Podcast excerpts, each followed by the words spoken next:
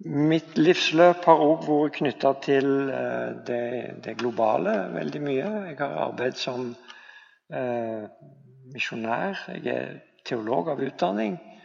Hatt eh, litt ulike oppgaver, både administrativt og undervisningsmessig, i en tiårsbolk på Madagaskar fra 1978 til 88. Og så i, hovedsakelig i Det norske misjonsselskapet, eller NMS. Eh, og i perioden fra 2000 til 2011 så var jeg Var det best før, du sa? Jeg, jeg syns det passer godt med Det er sånn en av og til føler seg. Men det er veldig kjekt å ha mye erfaring òg. Og, og, nå har jeg tenkt å dele litt av, litt av erfaringen som jeg sitter på. Um, og, og, noen av, av refleksjonene knytta opp eh, til, til um, til det å være ikke bare en som skaper et konkret håp her og nå, men som har fått eh, på en måte lagt på skuldrene det å dele et håpsbudskap med en verden som i utgangspunktet ser ganske håpløs ut. I mer enn ti år mens jeg var generalsekretær i NMS, så deltok jeg på hvert år på kirkemøtet. Det slutta nå i, i går eh, forgårs kirkemøte i Den norske kirke. Og jeg må, må innrømme jeg var ganske frustrert mange ganger over mange ting, men ofte over at det eneste som ble framheva som liksom stovereint, det var Kirkens Nødhjelp sitt arbeid. Mens alt det som hadde med, med misjon og forkynnelse å gjøre, tilsynelatende ble eh, usynliggjort mye sterkere. Jeg oppdaga etter hvert at det stemte nok ikke helt. Misjonsorganisasjoner, også den som jeg representerte, hadde i perioder valgt seg eh, en viss avstand. Eh, og engasjementet blant delegatene for misjon lokalt var mye sterkere enn det jeg i utgangspunktet tenkte.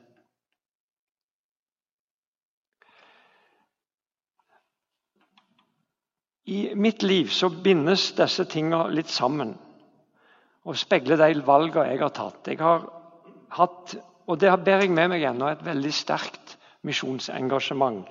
Ehm, jeg er en enkel misjonsvenn. Og så har jeg samtidig arbeidet med økumeniske spørsmål både i kirkelig sammenheng i Norge og også internasjonalt. Og akkurat nå så er jeg også formelt sett engasjert i styret i Kirkens Nødhjelp. Og Alt dette er for meg et uttrykk for å konkretisere det håpet vi har som mennesker som tror. Og Det har jeg lyst til å snakke litt om i dag, eller i kveld.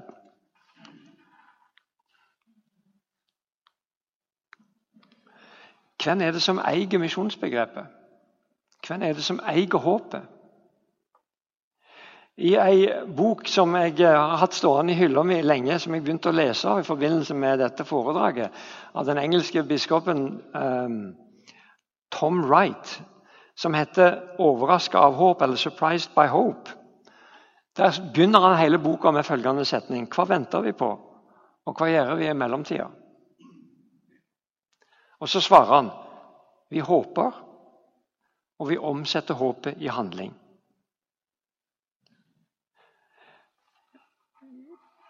Jørn har på forbilledlig måte og på pedagogisk glimrende måte berørt oss ved at håpet må være konkret, nært og jordnært.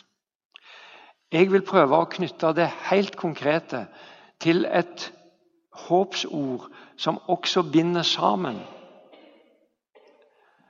det urealistiske framtidshåpet med våre praktiske håpshandlinger. I det kristne språket har håp en sentral plass. Det har veldig lett for å bli diffust for oss. Eh, hva er det egentlig vi håper på? Og Håpet forsvinner gjerne litt imellom de to andre store kjerneordene tro og kjærlighet. Det vi håper på, blir òg litt uklart håper vi på eh, den tegningen som på mange måter lå bak mye av det som Jørn tegnte for oss. At vi håper på en situasjon der verden skal bli gradvis bedre, og der vondskapen sånn skritt for skritt skal overvinnes.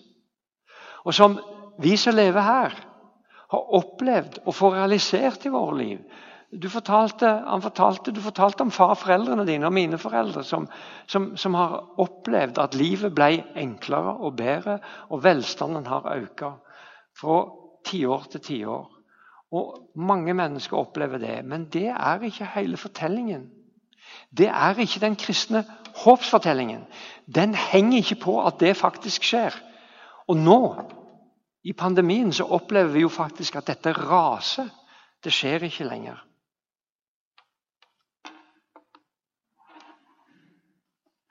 Kristen tro er en håpsreligion.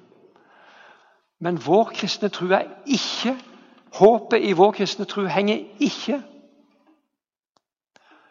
først og fremst på at vi vet eller tror eller er overbevist om at verden skal bli bedre. Det henger ikke på at vi vet eller tror at 'this world is not our home, I'm just a passing by'. Passing through. Denne verden er ikke min heim. Jo, denne verden er vår heim. Vårt håp er, for å si det veldig enkelt, knytta opp til den mest ubegripelige hendelsen i hele det bibelske materialet. Det at Jesus sto opp for de døde.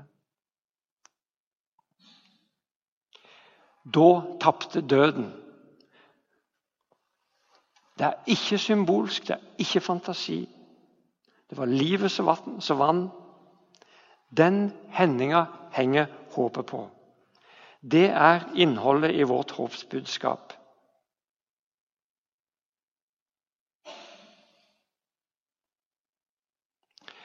Mange av oss er blitt veldig påvirka av en sånn himmellengt. Og det er helt ok. Jeg snakker òg om himmelen. Jeg snakker om å dra båten på land. og Jeg synger gjerne 'Han tek ikke glansen av livet', inspirert av min onkel. Og, og alt sånt. Men når det den kristne trua sin håpsdimensjon skal formidles, da er det Jesu oppstandelse påskemorgen som er kjernen i vår budskap. Og Det skal omsettes i handling på to måter. Det første ved at som Jesus, så også vi. Det skal forkynnes. Det skal formidles, det skal proklameres. Og for det andre det skal demonstreres i enkle håpshandlinger. I diakoni, i kjærlighetsgjerninger som bryter vondskapens sirkler, men som vi likevel vet ikke nødvendigvis fører til at verden bare blir umiddelbart en bedre plass, for det blir den ikke. Jeg har mange ganger sagt, ehm, og jeg mener det med djupt alvor, kirka er best på død. Det er ingen andre institusjoner verken i vårt land eller andre plasser, som når oss til knes når det gjelder å håndtere sorg, realistisk møte med det som er vanskelig. Og Det henger sammen med at vi vet at døden er reell. Den er den siste fiende. Det er ikke noe hyggelig. Døden er det vi kjemper mot. Og Derfor har vi budskapet om at Jesus sto opp som sentrum i vårt budskap.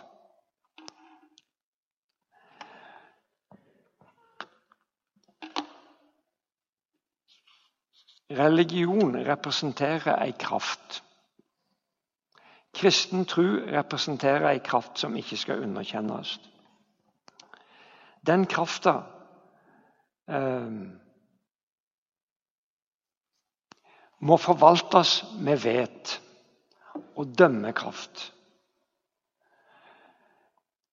Religiøs styrke kan være negativt. De siste ukene har jeg sett på en liten serie på TV om eh, en menighet i Sverige som heter Knutby.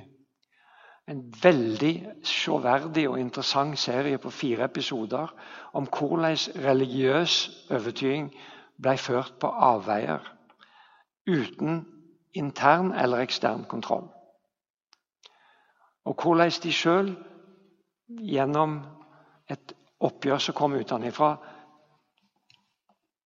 så hvor gale dette var. det var gjort med djup respekt både for religion og for de involverte personene. Jeg undrer litt på om norsk fjernsyn eller NRK kunne ha gjort det samme. Men det går an å snu bildet. Den tyske filosofen Habermas har igjen og igjen påpekt den etiske impulsen som ligger i ei religiøs tro. Den er en av de sterkeste påvirkningskreftene som denne verden har.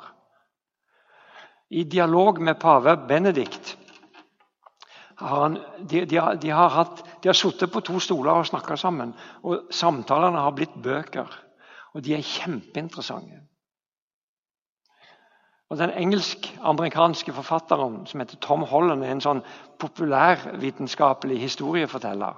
Han har nylig utgitt en bok som heter 'Dominion', eller 'Herredømme'.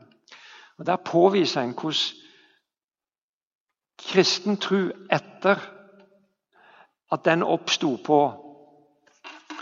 i, i, i, rundt Middelhavet for, for 2000 år siden, har påvirka på grunnleggende måte folks forståelse av denne verden. Den har ført til bare meg, La meg bruke ett eksempel. Han sier den har ført til at plutselig ble det av interesse at noen mennesker hadde det vondt. Før var det totalt utenfor både politikere og andre medmenneskers synsfelt. Det kom ikke som, allment, som et allment resultat av sivilisasjon eller romersk kultur eller, eller, gresk kultur. Det kom som et resultat av Jesu budskap og Paulus sin formaning til etterfølgelse.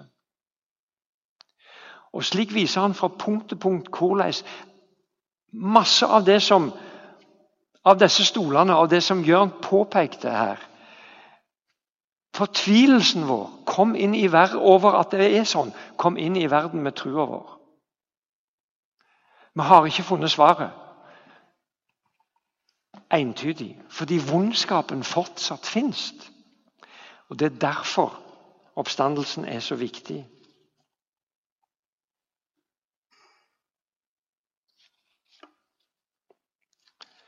Noen vil si Ja, Den etiske impulsen i kristendommen den er helt fin. Men dette her med at du skal påføre andre mennesker din egen, de egen tro, eh, det er egentlig rota til alt vondt. Det fører til så mye liding og vondskap. Nei, eh, det er ikke sånn.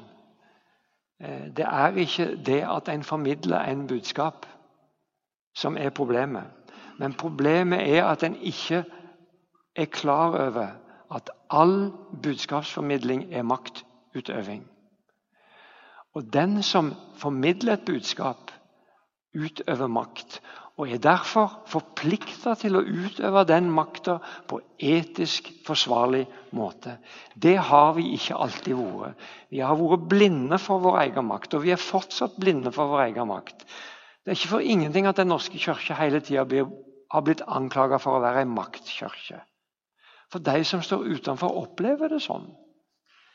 Eller at misjonsbevegelsen i perioder har blitt anklaga for å utøve makt overfor både enkeltpersoner og medmennesker. Jeg har sjøl vært i en veldig krevende samtale om disse tingene, knytta opp til en ordning som misjonsorganisasjoner i beste vilje hadde for å ivareta barna til misjonærene sine interesser. En bygde skoler med internat som innebar at barna, uten å velge det sjøl, ble flytta vekk fra foreldrene sine under hele skolegangen. Det var ikke fordi de som gjorde dette, var vondskapsfulle eller eh, hadde dårlige intensjoner. Men resultatet var at mange av de som var der, ble påført påkjenninger de aldri hadde bedt om, og som de bærer med seg hele livet. Det var ikke dem det var noe feil med, men det var systemet det var noe feil med. Og det var de, sånne som meg, misjonsgeneraler som forvalter systemet, som er moralsk ansvarlige for de valgene vi har tatt. Det er ikke misjon eller eller det å formidle et budskap som er problemet. Problemet er at vi ikke alltid ser den makta vi sjøl bruker. Tvert imot er det sånn at hvis du skal ha et håp her i verden, så er håpet knytta til misjonsbegrepet. For hele Guds prosjekt er et misjonsprosjekt. Det er Guds misjon. Og det starter ikke med at han sender misjonærer fra Norge på 1800-tallet. Det starter med at Gud sjøl sender seg til verden for å skape mennesket fordi han lengter etter kontakt. Og Så går det steg for steg. Sender, sender israelsfolket tilbake fra Egypt til Israel. Han sender utsendinger som skal få mennesket til å vende tilbake til han.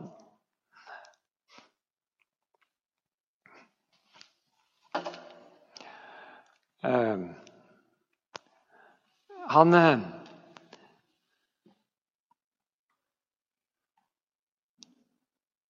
sender sin egen sønn til jord.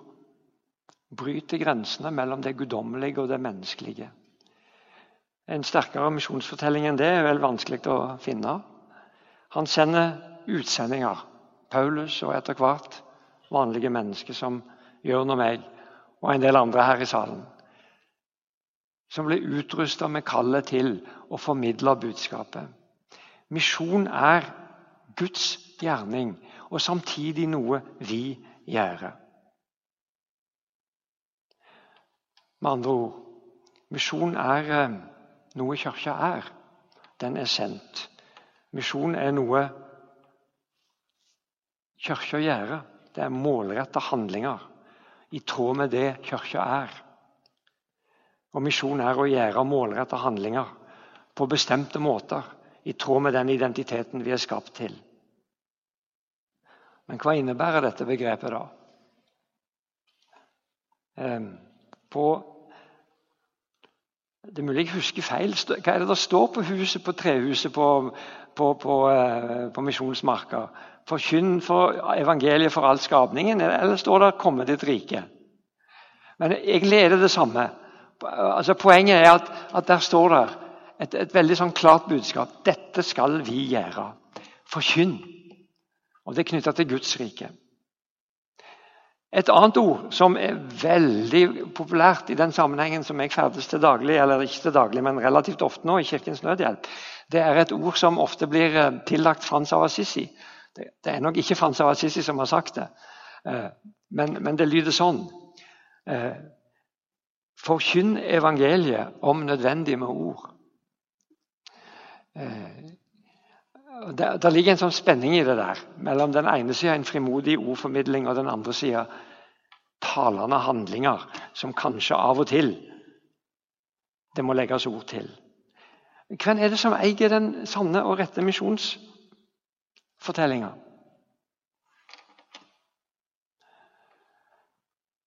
La meg gå en liten omvei med dere. Eh, eller la meg stille spørsmålet enda mer på spissen. Er misjon medlemsverving for Guds rike? Eller er det verdens transformasjon? Verdens forandrende handling? Eller må vi velge? Det, det skjer en veldig interessant utvikling mens vi lever nå. Det begynte egentlig på 1970-tallet, da Lausanne-bevegelsen ble oppretta.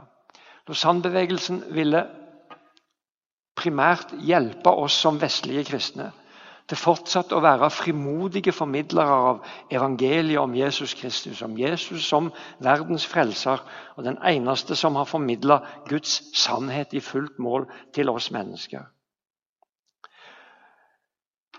Bakgrunnen for det var at på sett og vis så satt misjonsbevegelsen på hver sin haug og ropte til hverandre. Du hadde de evangelikale på den ene sida som sa at det er å frelse sjeler fra himmelen. Det er det som er saka. Og så hadde du på den andre sida de som sa nei. Det dreier seg om å endre denne verden slik at mennesker kan få et bedre liv. Det er Guds grunnleggende vilje. Og Så starta denne Lausanne-bevegelsen, og så fant de ut at la oss nå bli kjent med hverandre. Så begynte de å snakke sammen. Så fant de ut at hm, det er faktisk ganske mye i det perspektivet som den andre har. Og For å gjøre en litt lang historie kort så har dette påvirka den måten en kommuniserer om hva som er misjon. Både i den konservative evangelikale leiren, store deler av den, og i den mer radikale, litt politiserte økumeniske leiren. Slik at en både i praksis og når en uttrykker hva en tenker om hva som er kirka sitt misjonsoppdrag, så utfyller en med de andre sine synspunkt. Og så har det hjulpet veldig at samtidig, parallelt med dette, så har det kommet to nye store bølger som ingen har bedt om. Den ene er mer sånn karismatisk inspirert misjonsbølge, der ungdommen ikke ber om lov til å gjøre noen ting, de bare gjør det. Ikke alltid like sunt, men det er ganske sterk drivkraft i det. Og Den andre er eh, de som fram til 1950-, 60-, 70-tallet ble kalt for misjonsmarkene, eh, og som var mottakere av misjon, fant ut at nei, men det er jo ikke sånn i Guds rike at det er noen som er mottakere og noen som er givere. Og de etablerte sine egne bevegelser. sånn at Noen av de største misjonsbevegelsene i dag har røtter i Brasil, Kina, Kenya og Egypt. Det er mye mer en kunne si om dette. Men det har, på, det har ført til at kirka, at misjonen, er blitt eh, forandra eh, innenfra. At en ser at Den kristne kirke sitt misjonsprosjekt ikke bare er å verve medlemmer. Eller at en ser at Den kristne kirke sitt misjonsprosjekt ikke primært eller alene er å endre ytre livsvilkår. Men at disse to tingene er to sider av samme sak. Og hvorfor er det det?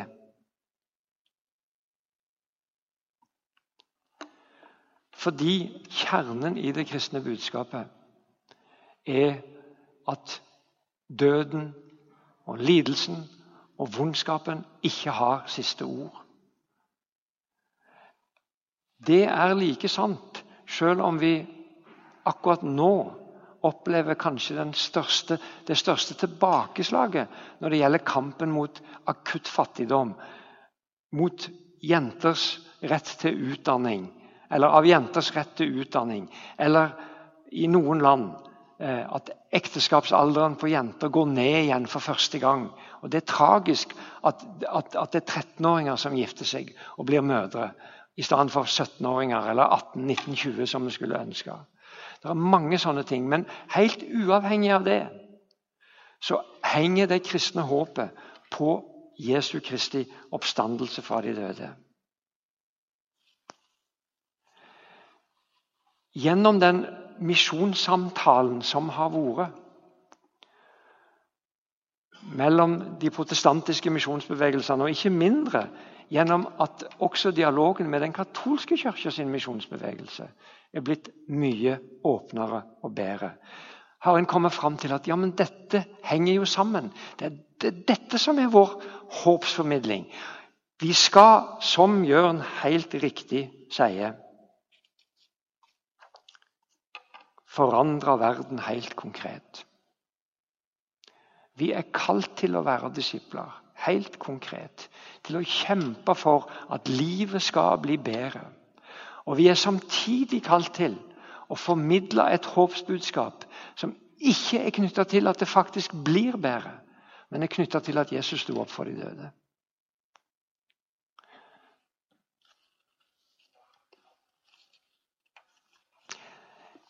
Jeg er kommet til at det er ikke noen motsetning i de livsvalgene som på en måte har kommet flytende til meg. Jeg kan fortsatt være en uh, ihuga misjonsvenn. Være en uh, ivrig økumenist som kjemper for at uh, arbeidet med å reparere relasjonene mellom ulike kirker og tradisjoner skal fortsette. Som arbeider med å legge til rette for at eh, forbedring kan skje på et politisk nivå og på et nasjonalt nivå. Og som arbeider med at organisasjoner som Kirkens Nødhjelp kan være et redskap som gjør livet faktisk bedre for tusenvis, titusenvis, kanskje millioner av mennesker i det praktiske arbeidet. Enten pilene peker oppover, eller pilene peker nedover. Det er ikke alt det arbeidet vi gjør, som er like godt. Og vi må være villige til å øve sjølkritikk. Men jeg vil holde fast på det enkle at ja, misjon er håpstenning. Misjon representerer håpet.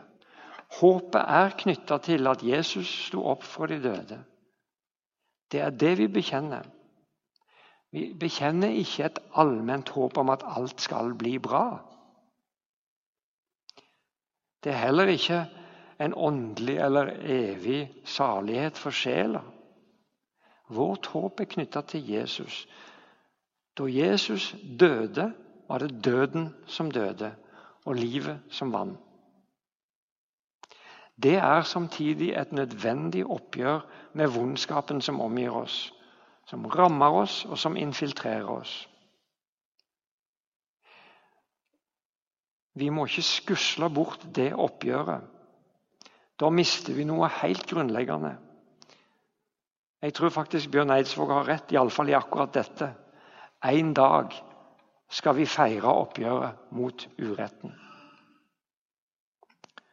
Misjon er håpstenning. Men det forutsetter at vi makter å bryte med ei forenkla forestilling om en sånn allmenn himmellengt. Det er ikke sånn i Bibelen at vi skal til himmelen. Himmelen skal til oss. Og det er fysisk tenkt. Himmelen i denne forstand betyr Guds nærvær. Og det er her på jorda. Les Bibelen og se. Det er her på jorda dette skal realiseres. Vi skal til Gud, og vi skal være sammen på en nyskapt jord der rettferd bor. Det er veldig mye vi ikke vet.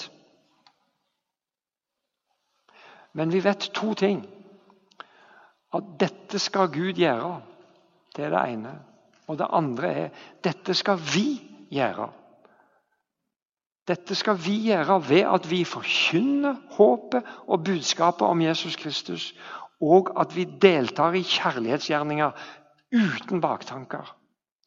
Og slik demonstrerer at når Gud snakker om kjærlighet, er det dette fysiske livet her og nå vi snakker om. Det er en merkelig sammenheng mellom det Gud gjør, og det vi gjør. Den har ikke jeg oversikt over. Men det er der håpet henger. Vi tror på en ny himmel og en ny jord, der lammet og løva skal leke sammen. Hva skal løva ete da? Det viser bare Og hva skal vi ete da? Det viser bare at dette er bilder. Dette er bilder som demonstrerer at ja, håpet henger på oss, men håpet henger også på at Gud skal fullføre det han begynte når han lot Jesus stå opp fra de døde. Håpet blir realisert, håpet blir tent ved at vi er lydige mot det kallet Gud gir oss. At vi formidler ord som skaper, som skaper tru. Og at vi utfører handlinger som taler. Handlinger som demonstrerer godhetens seier midt i den vonde verden. Det er ingen motsetning mellom å representere frimodig misjon, evangelisk frimodig og etisk ansvarlig proklamasjon og arbeide for at verden skal bli en bedre plass. Begge deler er uttrykk for det håpet vi bærer på. Og i det håpet ønsker jeg å holde levende. Feil blir det først når vi prøver å slukke lyset hos de andre.